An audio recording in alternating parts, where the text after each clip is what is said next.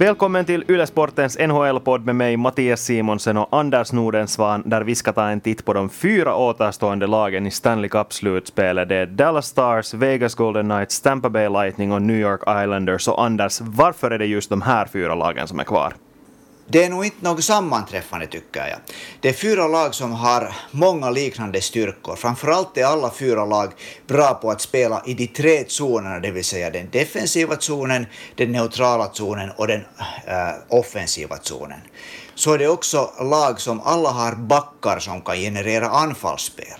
Och på tal om anfallsspel så är det lag med fyra kedjor som alla kan producera också uppåt, de kan leverera poäng. Och sen är det fyra lag som alla har en riktigt sandpappersstil i bakfickan när det behövs, det vill säga de kan både tackla och de kan blockera skott. Det är alla lag som är egentligen mycket svåra att spela emot. Före vi går in på det så tycker jag att vi börjar med att vrida tillbaka klockan lite. Tillbaka till den sjunde matchen mellan Dallas Stars och Colorado Avalanche och orsaken är ju förstås Joel Kiviranta.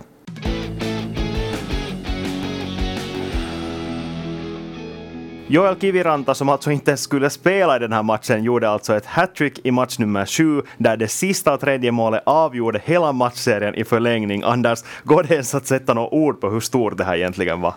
det gör väl inte riktigt det, men om vi sätter något ord på det så ska vi säga att Wayne Gretzky var den senaste som gjorde hattrick i en uh, Game 7.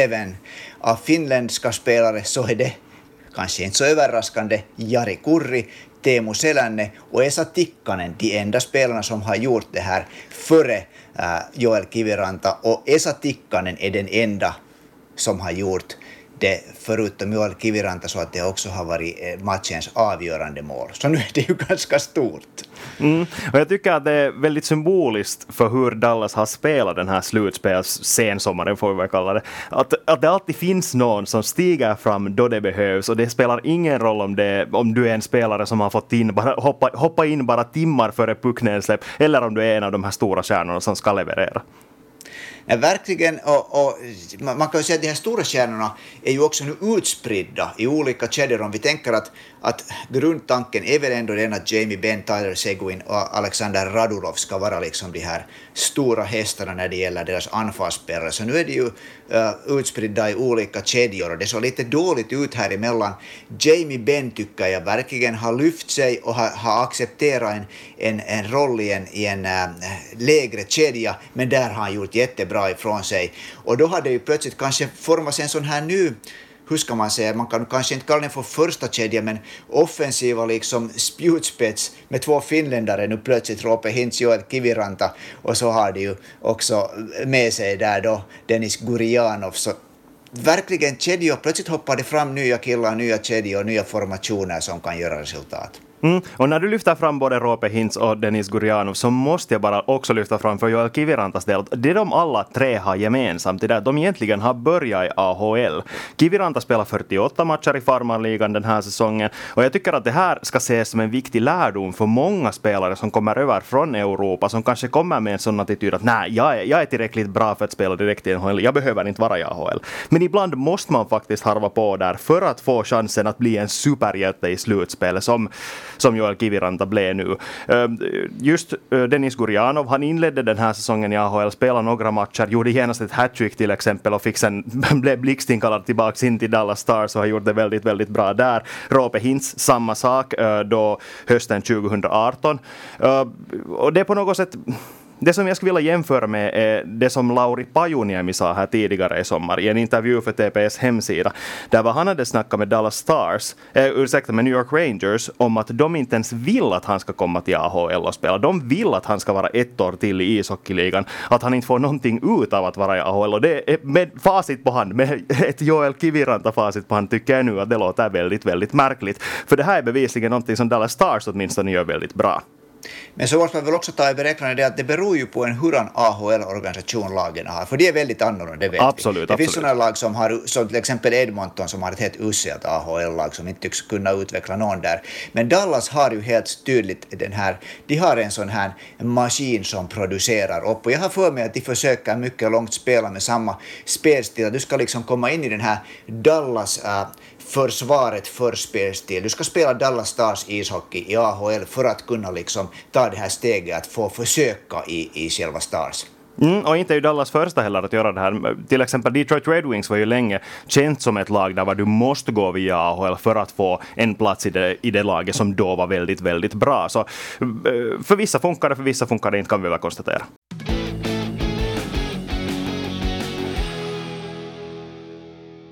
Och så finns det sådana spelare som inte behöver spela i AHL, som Miro Heiskanen. Har du någonting att säga om honom? Jag vet inte om det går att säga något mer. Fortsättningsvis håller han ju fantastiskt hög nivå. Och det såg vi också i den här första matchen i konferensfinalen. För det är ju så att Dallas nu spelar konferensfinal tack vare Joel Kiviranta. De leder i 1-0 i matcher mot Vegas Golden Knights efter 1-0 i match nummer ett. Uh, vad tyckte okay. du om matchen, Anders? No, det var ju en match som man såg att Vegas Golden Knights inte alls var uh, inställda på att spela mot ett lag som Dallas. Och jag gissar lite att det skulle gå på det här sättet faktiskt, när jag hörde en intervju före matchen med Peter DeBoer som sa att att uh, Dallas är en lite bättre version på Vancouver Canucks. Och då tänkte jag att vad är det den här mannen snackar om? Det är nog ett helt annat virke. Dallas Stars är nog ett lag som inte påminner, tycker jag, just alls om Vancouver Canucks. Jag vet inte vad det är taktiskt eller va varför han sa på det sättet.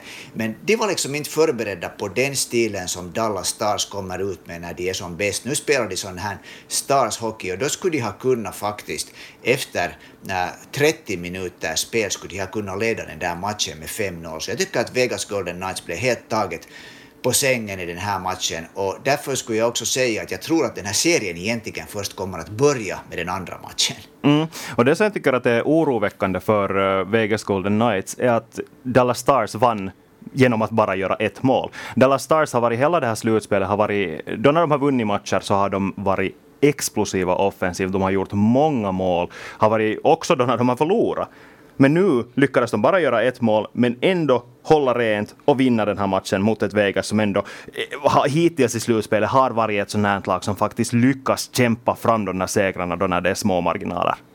Jo, Dallas, det sa ju också tränaren äh, Rick Bowness efter, efter matchen att Dallas spelar, nu spelar de liksom Stars hockey, nu var de tillbaks i det. Det, det, det blev ju lite en sån här, hur ska man säga, en sån här duell att okej, okay, kom an bara, vem är tuffare mellan Colorado och Dallas? Båda gjorde mål och mål, men nu, det var kanske inte den typiska Stars ishockeyn som vi såg där, men nu var de tillbaks egentligen där inne i sin, i sin spelkärna och, och då måste nog Vegas liksom på något sätt helt, helt fundera om hur de spelar. Jag tror nog att de kommer att göra det. Såg man, i, det såg man där i den här tredje perioden när Vegas verkligen tog över matchen. Så är det ju svårt att säga att vad skulle ha hänt om de skulle ha gjort ett utjämnande mål. Skulle det igen ha liksom vänt. Men där såg ju nog Dallas tidvis riktigt pressat ut. Mm. Och jag tror också att just den här tredje perioden kan vara ett tecken på hur de här lagen orkar spela för tillfället. Jag tycker att det var ganska klart att Dallas, hade, Dallas spelarna hade mera ork i benen under början av matchen, under de här första 40 minuterna, då man kan säga att de dominerade. Eh, men sen vet jag inte om det var det att de medvetet började backa, började spela så här för att försvara ledningen, vilket ändå känns lite udda med tanke på att de bara ledde med ett mål. Eller var det bara det att nu kändes den där match nummer sju i benen som Vegas kanske hade i början av matchen? Det kan hända. Det, det, är, liksom, det är nog svårt på något sätt så, så, så, så är det ju hemskt ofta i ishockey av någon underlig orsak på det sättet. När laget leder och de liksom upplever att de har matchen sitt kontroll så blir de lite mer passiva. Och så när det är en, en, en sport med så mycket känsla och laddning som liksom eh, i, i bakgrunden så är det kanske svårt sen igen att, att komma tillbaks och få den där intensiteten. Det har man sett så många gånger. Att Dallas tror jag på något sätt tänkte att nu när vi spelar säkert och bara liksom slänger iväg pucken upp på neutrala zonen och väntar på att kanske någon snabb kille kommer igenom så fixar det här sig, vi gör ett mål till. Och sen när det inte gick på det sättet så blev det lite tungt mot slutet. Mm. Och det här med att eh, Dallas är ett bra lag på att utnyttja det här momentumet också kan vända det mot sig. Så det såg vi ju verkligen i den här matchserien mot Colorado Avalanche. Där kändes det som att det antingen var någon deras laget som dominerade stundvis under matcher också. Att det inte var så att eh, det var väldigt jämnt och att båda lyckades skapa lägen, utan det, det gick väldigt så här periodvis så att det ena laget höll puck i offensiv zon och pressade på. Och nu kändes det lite som att Dallas hade den en väldigt lång lyckad period av lyckat spel i början av matchen och sen blev det sämre mot slutet. Men, men gott så, det räckte den här gången. 1-0 räknas som en seger, och inte minst i en konferensfinal. Så är det, och, och, och det, där, det, det ska vi säga att Dallas tror jag man har en känsla av att de tror hemskt starkt så att säga på sin egen lagberättelse för till. För de är jättesjälvsäkra, vilket såklart alla de här lagen som nu är med här. Men jag tycker det utstrålar ett sådant liksom lugnt, lugn i, i, i, sin egen spelstil när man ser på, på Dallas. Äh, det som jag gärna skulle lyfta fram här är att, att, att nu när det sen börjar avgöras det här så det kan nog bli en ganska stor grej att Vegas har nu två egentligen första målvakter, medan Anton Kudobin är Dallas äh, klart ett B-mål. Nu, han, nu kan man kalla honom för andra val i målet helt tydligt där. Att hur kommer det här liksom i en matchserie? Kommer Vegas att kunna liksom använda sin helt tydliga fördel när det gäller gubbarna mellan stolparna? Vad tror du? Jag skulle inte säga att det är en fördel åtminstone just nu. Jag skulle säga att det är en nackdel. Uh, Marc-André Fleury spelade i den här första matchen. Uh, det var verkligen inte hans fel att de förlorade. Men han var ändå den som kom in som ersättare istället för Robin Lehner som i sin tur hade spelat väldigt bra mot Vancouver Canucks. Så vad gör man i det här läget? Inte, inte, inte har uh, Peter de Boer några spelmässiga skäl att plocka bort Fleury i det här läget, men kanske det ändå kan bli en sån här väckarklocka för laget. Men vad, ska, vad, vad om det sen slår back om det sen gör det absoluta motsatsen, att spelarna plötsligt tycker att hej, varför plockar han bort Flower från målet för att han har ju varit fantastiskt bra och vi förstår inte alls vad poängen är här. Så jag tror faktiskt att nu, i det här läget, så kan det vara en nackdel och De Boer måste faktiskt verkligen tänka noga på vad hans nästa drag är. Vad tror du till exempel? Tror du att Flori eller Lena kommer att starta nästa match? Jag är färdig att slå vad om att Lena startar följande match. Jag är helt säker på att Lena kommer att vara mellan stolparna och han kommer att vara, eh, tror jag, mellan stolparna om han inte missar så kommer han att vara... Jag, jag, jag, tycker att Fleury fick den här matchen för att, för att vara med, för att vara med liksom i den här mixen så att han plötsligt inte kommer in som en kalkille. Eh, det bör lita, det bör lita så mycket på honom att han där visste att han är, att han är en kille, kille som man kan slänga in, men han ville se hans dagsform, han ville se i hur han mentalt tillstånd han kanske är efter den här lilla kontroversen med hans agent här. Så jag, jag är nog jag är färdig att slå vad Robin Lehner är den killen som, som det bör gå med. Mm, men nu är Flöri också omtyckt i omklädningsrummet. Spelarna litar på honom. Han har länge varit den där stöttepelaren för Vegas Golden Knights. Och nu, han släppte in bara ett mål. Inte kan man ju skylla på honom för att de förlorade. Det kan, det kan man definitivt inte göra. Men inte kan man heller riktigt skylla på Robin Lehner för att hålla nollan i den där sista matchen heller. Absolut nog, jag, jag, tycker nog att, jag, jag, jag, tror för det första att Fleury kom, att Robin Lehner kom in äh, till Vegas därför för att Peter, Peter de Boer inte var nöjd med att ha Fleury som den klara första mål. Jag tror det här var, han är 35 år gammal, jag tror att, att, att Lehner tog sig in dit som den killen som kommer att ta över och han har egentligen visat att han kan göra det. Så det där, eh, där tror jag nog, där tror jag nog att, att Vegas har en fördel, för Anton Kudobi gjorde ju emellan ganska mediokra matcher i, i serien mot Colorado och nu, nu är han i en sånt, sånt läge att det måste, om inte nu plötsligt Ben Bishop är i skick, vilket, vilket ju inte verkar vara situationen, så är det på Kudobi, med Kudobi de måste spela och det kan nog, det kan nog bli tufft tror jag.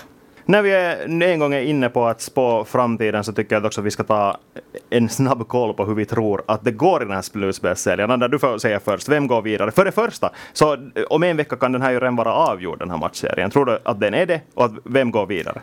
Whoops, jag, jag på något sätt ser för mig att den här matchserien nog kommer att gå till minst sex matcher. Och det skulle såklart vara lätt att säga på basen av den första matchen nu att, att jag tror att Dallas går vidare, men jag, jag håller fast vid det där att jag tror att den här serien kommer att egentligen komma, vi kommer egentligen att se hur det börjar se ut först i den här andra matchen när Vegas liksom har insett mot ett hurant lag de spelar, när Dallas var helt tydligt ren från första nedsläpp inne på, på det där hur man ska spela mot Vegas. Men om du nu ska pressa ut ett svar av mig i det här skedet, så det där äh, måste jag ju hålla på våra, våra fantastiska finska kvartetter och säga att jag tror att Dallas går vidare, vilket jag inte kanske skulle ha gjort för tre veckor sedan. Mm. Och jag tänker vara motsatt åsikt. Jag tror att Vegas kommer att vända det här. Eh, helt som du sa, Kudobin spelar kanske inte så bra varje match mot Colorado. Och jag tror att Vegas defensiv är tillräckligt bra för att se till att Dallas åtminstone inte gör värst många mer mål än, än bara ett per match. Nu kommer de ju förstås att göra flera, men ändå tillräckligt få för att ändå själv ta segern i slutändan. Får jag säga någonting ännu om någonting som kommer att hända under den här serien? Mm. Och det är att när, jag kan inte undvika att igen gå tillbaka till Miro Heiskanen som alltså blev den effektivaste europeiska backen någonsin i ett slutspel när han gick upp på 21 poäng. Av alla aktiva backar så är det för tillfället bara Brent Burns som ligger före i alla tider stati eh, statistiken för en slutspelssäsong. Brent Burns har gjort 24 poäng. Då gjorde han det förresten på 24 matcher. Miro Heiskanen för tillfället på 21 poäng. Så det är mycket sannolikt att Miro Heiskanen blir den effektivaste aktiva backen i NHL under ett slutspel som 21-åring. Det är helt sjukt, Mattias! Det är det faktiskt.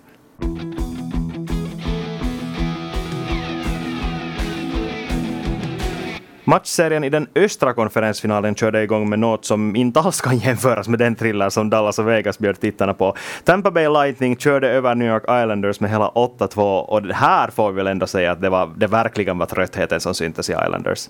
Eh, tröttheten definitivt, men uh, kanske det också sen blev så att nu kom Islanders till, den, till det läge i slutspelet där de möter ett lag som helt enkelt deras spelstil inte rår på. För att, för att Tampa har ju verkligen i det här slutspelet nu, nu visat att, att, att vad, vad en motståndarna hämtar till rinken så har Tampa ett svar.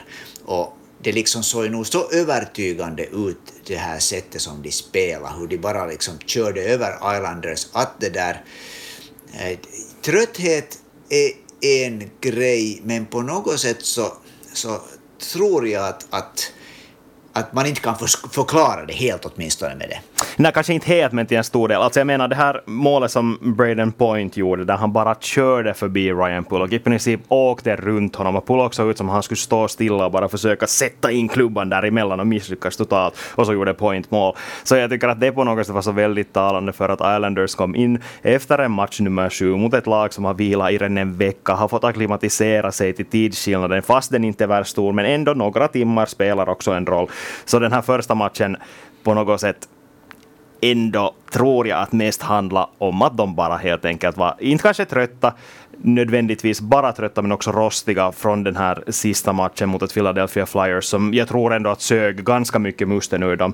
Alltså, jag, tror, jag tror och hoppas för att jag vill se en väldigt bra matchserie mellan de här lagen att Islanders repar sig till den här nästa matchen och då när de gör det, säger jag ju nu, när inte om, men när de gör det så kommer den här matchserien att vakna till liv ordentligt och därför tror jag inte att man ska dra för långa slutsatser på basis av den här krossen. Nej, det, det, det, har du rätt i, det, det, tror jag också, men, men jag tror nog att en viss klasskillnad kommer, kommer där nog att finnas nu, för det här, det här har ju egentligen alla kanske som har följt med slutspelet hela tiden väntat väntat när eh, når Islanders sin gräns, för annars, alltså om det inte nu är så att Tampas stjärnspäckade lag med, med Braden Point och, och Nikita Kucherov och Viktor Hedman och alla som finns där, en, en, en tredje kedja ännu med Goodrow, Gordy, Blake Coleman. Om de inte nu är liksom klart bättre än Islanders så då måste man så småningom börja fundera att är det här hela snacket om att det finns stjärnor och så finns det lag som är, som är sådana här äh, lag, jämntjocka lag, så gäller det överhuvudtaget i slutspelet? För att egentligen alla stora stjärnor, individuella stjärnor, är ju borta nu från, från slutspelet om vi nu inte just tar de här Tampas klarast lysande Point, Kutjerov, Viktor Hedman och såklart målvakt Andrei Vasilevski, att nu ska här finnas en kvalitetsskillnad. Och, och, om den inte syns nu så vet jag inte vad jag ska säga. Mm. Och det, det, var vi inne på redan för en vecka sedan, just det här med sättet som Islanders spelar, och det tror jag att inte kom riktigt fram i den här första matchen och kan vara den här stora orsaken till att spelet kan se annorlunda ut i match nummer två, och det är forechecken. Den, uh, det var många som befarade, mig inkluderat, att den inte skulle lyckas mot Tampa Bay, ett Tampa Bay Lightning som helt som du sa har väldigt starka försvarare, backar som kan spela med puck, och de hade inga som helst problem att ta sig förbi Islanders forecheck. Och jag tror ändå att det handlar om att de här anfallarna inte var riktigt redo för den här matchen. Men om det ser likadant ut i match nummer två, fast siffrorna skulle vara snyggare, men om inte Islanders får igång den här forechecken som den har fungerat hittills, framförallt mot Philadelphia Flyers, så då är de nog riktigt illa ute. Så är det, och, och, och någonting som jag tycker att de måste definitivt fundera om var att nu försökte uh, Barry Trotz har sin första kedja med Barzal och Jordan Eberly mot, mot uh, Tampas första kedja, Palat, Braden Point, Nikita Kucherov och de blev nog helt, helt, helt utspelade där. Om de ska få liksom någon som helst bukt på de här killarna så, så då måste de nog sätta in Sisikas kedja med, med Matt Martin och antagligen nu också från och med nästa match så tror jag att Leo Komarov kommer att göra comeback eftersom det ser ut som Karl Clutterback nog skadar sig riktigt illa. Och så tror jag att Islanders måste fokusera på när du säger att, de har, att, att på Tampas eh, backar, de har jättebra backar där, men de har en kille som jag tycker att jätte, hela tiden gör misstag. Han också drällde med pucken flera gånger nu mot Arlandos och det är Mihail Sergachev. Det skulle ha kunnat kosta Tampa där många gånger. Så de måste liksom, hur ska man säga, de måste se var de sätter in sina stötar mot ett fruktansvärt starkt Tampa Bay. Mm. Och jag litar faktiskt på Barry Trotz så mycket. Jag, han hör till de tränarna som jag respekterar mest i hela NHL just för att han har eh, den, vad ska vi säga, det CV som han har för framgång. Och, och, jag tror faktiskt att de lyckas identifiera de här svaga punkterna, till exempel just Sergachev, att lyckas sätta press på honom, då till exempel tack vare Leo Komarov, som vi ändå väl får säga att högst sannolikt kommer att spela i de här resten av matcherna. Så jag tror faktiskt att det finns saker att utnyttja, men, men Islanders måste faktiskt spela på dem. De har inte råd med fler sådana här matcher åtminstone. Det har de inte och, och, och det där eh, det, det kedjan som, som jag var jättebesviken på nu eh, från Ireland som jag tycker att har varit helt superbra i den här andra kedjan med Brooke Nelson och eh, Josh Bailey och, och Anthony Bouvillier som har, som har varit nästan de, de har varit liksom verkligt superklass på den kedjan tycker jag. Och nu kom det inte liksom, nu kom det inte igenom. De, de hade emot sig Kilon, Cirelli, Tyler Johnson och då blev de nog tvåa där. Att det här är liksom det här som är intressant nu att när man tycker att Islanders kan ma matcha med att de biter sig fast och de är tuffa och de forecheckar och ger liksom inte, inte en sekunds ro. Så nu har de emot sig ett lag som kan spela på samma sätt och som då kanske har helt enkelt individuellt mera skickliga spelare som, som bara inte... Att, att, man hade väntat sig att Flyers kanske skulle dominera mot Islanders, det blev aldrig någonting av det. De kom inte, fick inte de här långa tvättmaskins karusellerna igång där under, under offensiva blå linjen, men det såg man nog nu att det, det kan Tampa minsann göra. Och om det var trötta ben så då får de, får de ursäkt för en match, men som du säger, så om det inte vänder i ja, nästa match så är det nog kört. Mm. Och jag tror att mycket handlar också om den mentala biten i den här matchen. Förstås gör det ju det. Eh, men om man tittar på New York Islanders, ingen förväntar sig att de skulle ta sig så här långt. Redan det att de lyckades slå ut Philadelphia Flyers kan ses som en enorm seger för hela laget. Medan Tampa Bay sen igen hade enorma förväntningar på sig när de kom in i slutspelet, också i år, fast de inte var lika dominanta i grundserien. Uh, så ändå finns det den där att de fortfarande vet att de måste slå Islanders för att kunna infria de här förväntningarna om att spela i ett Stanley Cup-slutspel. De kan spela tufft. Det såg vi redan i de här tidigare matchserierna. Medan Islanders kanske inte riktigt ändå har kvar den där orken efter väldigt, väldigt tunga slutspelsserier. Mm.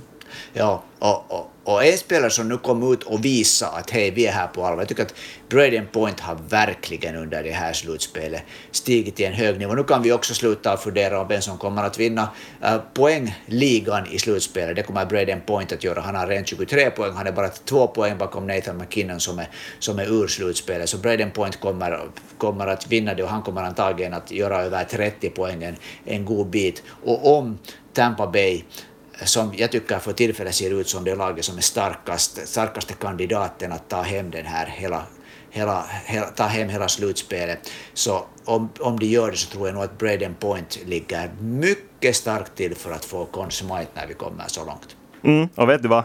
Antagligen inte att vi inte ens har nämnt att Steven Stamkos inte har spelat i det här slutspelet och ändå har Tampa Bay varit så dominanta som de har varit. Han kommer inte att spela i den här matchserien mot New York Islanders, det har Tampa Bay Lightning redan berättat, men tänk om han sen gör comeback i Stanley Cup-finalserien, i en eventuell Stanley Cup-finalserie. Då kommer man till det här att ska man, eh, ska man äh, ändra på ett vinnande lag, är det där frågan. Men så kan Steven Stamkos är ju inte någon helt helt ordinär spelare och kan väl nog få sin roll där. Vem skulle du, vem skulle du plocka bort? Det är en jättebra fråga, men alltså nu, nu känns det ändå som att han kommer att hoppa in som tredje center i det skedet. Braden Point, ja, inte, inte kan man ju liksom ta, förminska Braden Points roll bara för att Steven Stamkos, det stora namnet, kommer tillbaks. Speciellt med tanke på att han har varit borta hela slutspelet. Jag tror ändå liksom att de medvetet skulle lägga in honom i en fyra bara för att ha med honom, utan det måste nog ändå liksom finnas något förväntningar på, eller liksom ens någon istid att se fram emot och någon, någon form av offensiv roll. Eh, någonting som ju sen också är möjlighet att han spelar på kanten, att han till exempel går in istället för Ondrej Palat Förstås. i första kedjan. Men att det där, eh, Ondrej Palat har ju inte varit dålig, så det är nog, men det är ju ett positivt problem, positivt problem att ha liksom en, en, en uh, världsstjärna som kanske inte egentligen behövs för att vinna. Så när han har varit så här länge borta att spela så det där, får se, får se vad det där gör om han blir i spelskick för att det där så, så liksom tätt som Tampa är för tillfället, så bra som, som, som det fungerar, så det där är det nog inte helt lätt att liksom motivera att man sätter in en, tar ut någon från det här, men att, men att nu måste väl, som du säger, säkert göra det om Steven Stamkos kommer i spelskick. Men hej, ska vi också ta och tippa lite hur det går i den här, den här matchserien? Vad tror du? Tampa Bay eller New York Islanders? Nu jag tror det blir tredje matchserien i sträck som Tampa Bay vinner med 4-1. Jag faktiskt hålla med. Jag tror att Islanders kan ta en match, högst två, men närmare än så kommer de dessvärre inte.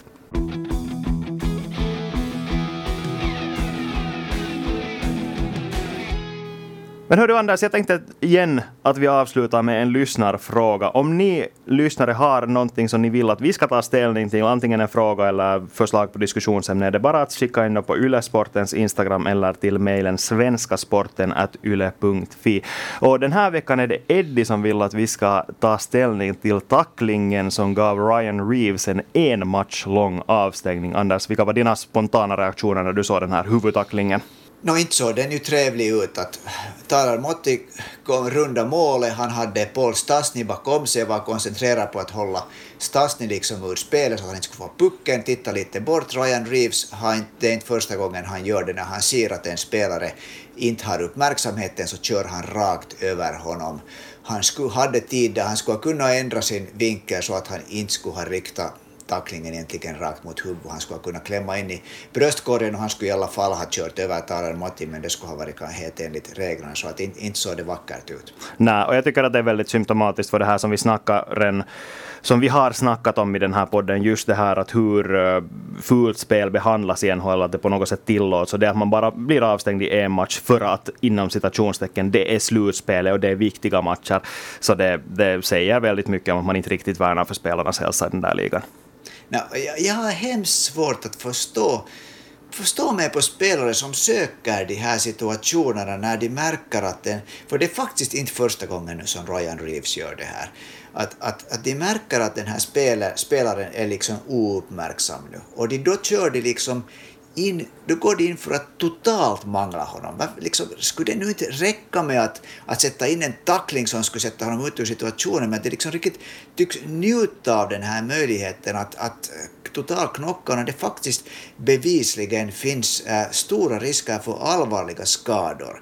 Och man hela tiden talar om att spelarna ska känna ansvar för varandra. Det var bara några dagar sedan Ryan Reeves stod framför kamerorna och tog, tog, snackade om ansvar i sociala frågor och, och det där hur, hur det är viktigt att högakta alla, alla. Så på, fast det är helt såklart två andra saker, så tycker jag att det på något sätt också borde synas i rinken att du nu inte går ut för att, för att skada din motståndare. Och det tycker jag att man inte såg där. Mm, men, men to be fair, där i samband med den här, eh, det här ställningstagandet mot, mot den systematiska rasismen i USA så sa Reeves faktiskt att på isen hatar jag de här killarna. Så, ja, det, sant, det sa han. Med eftertryck. Exakt, exakt.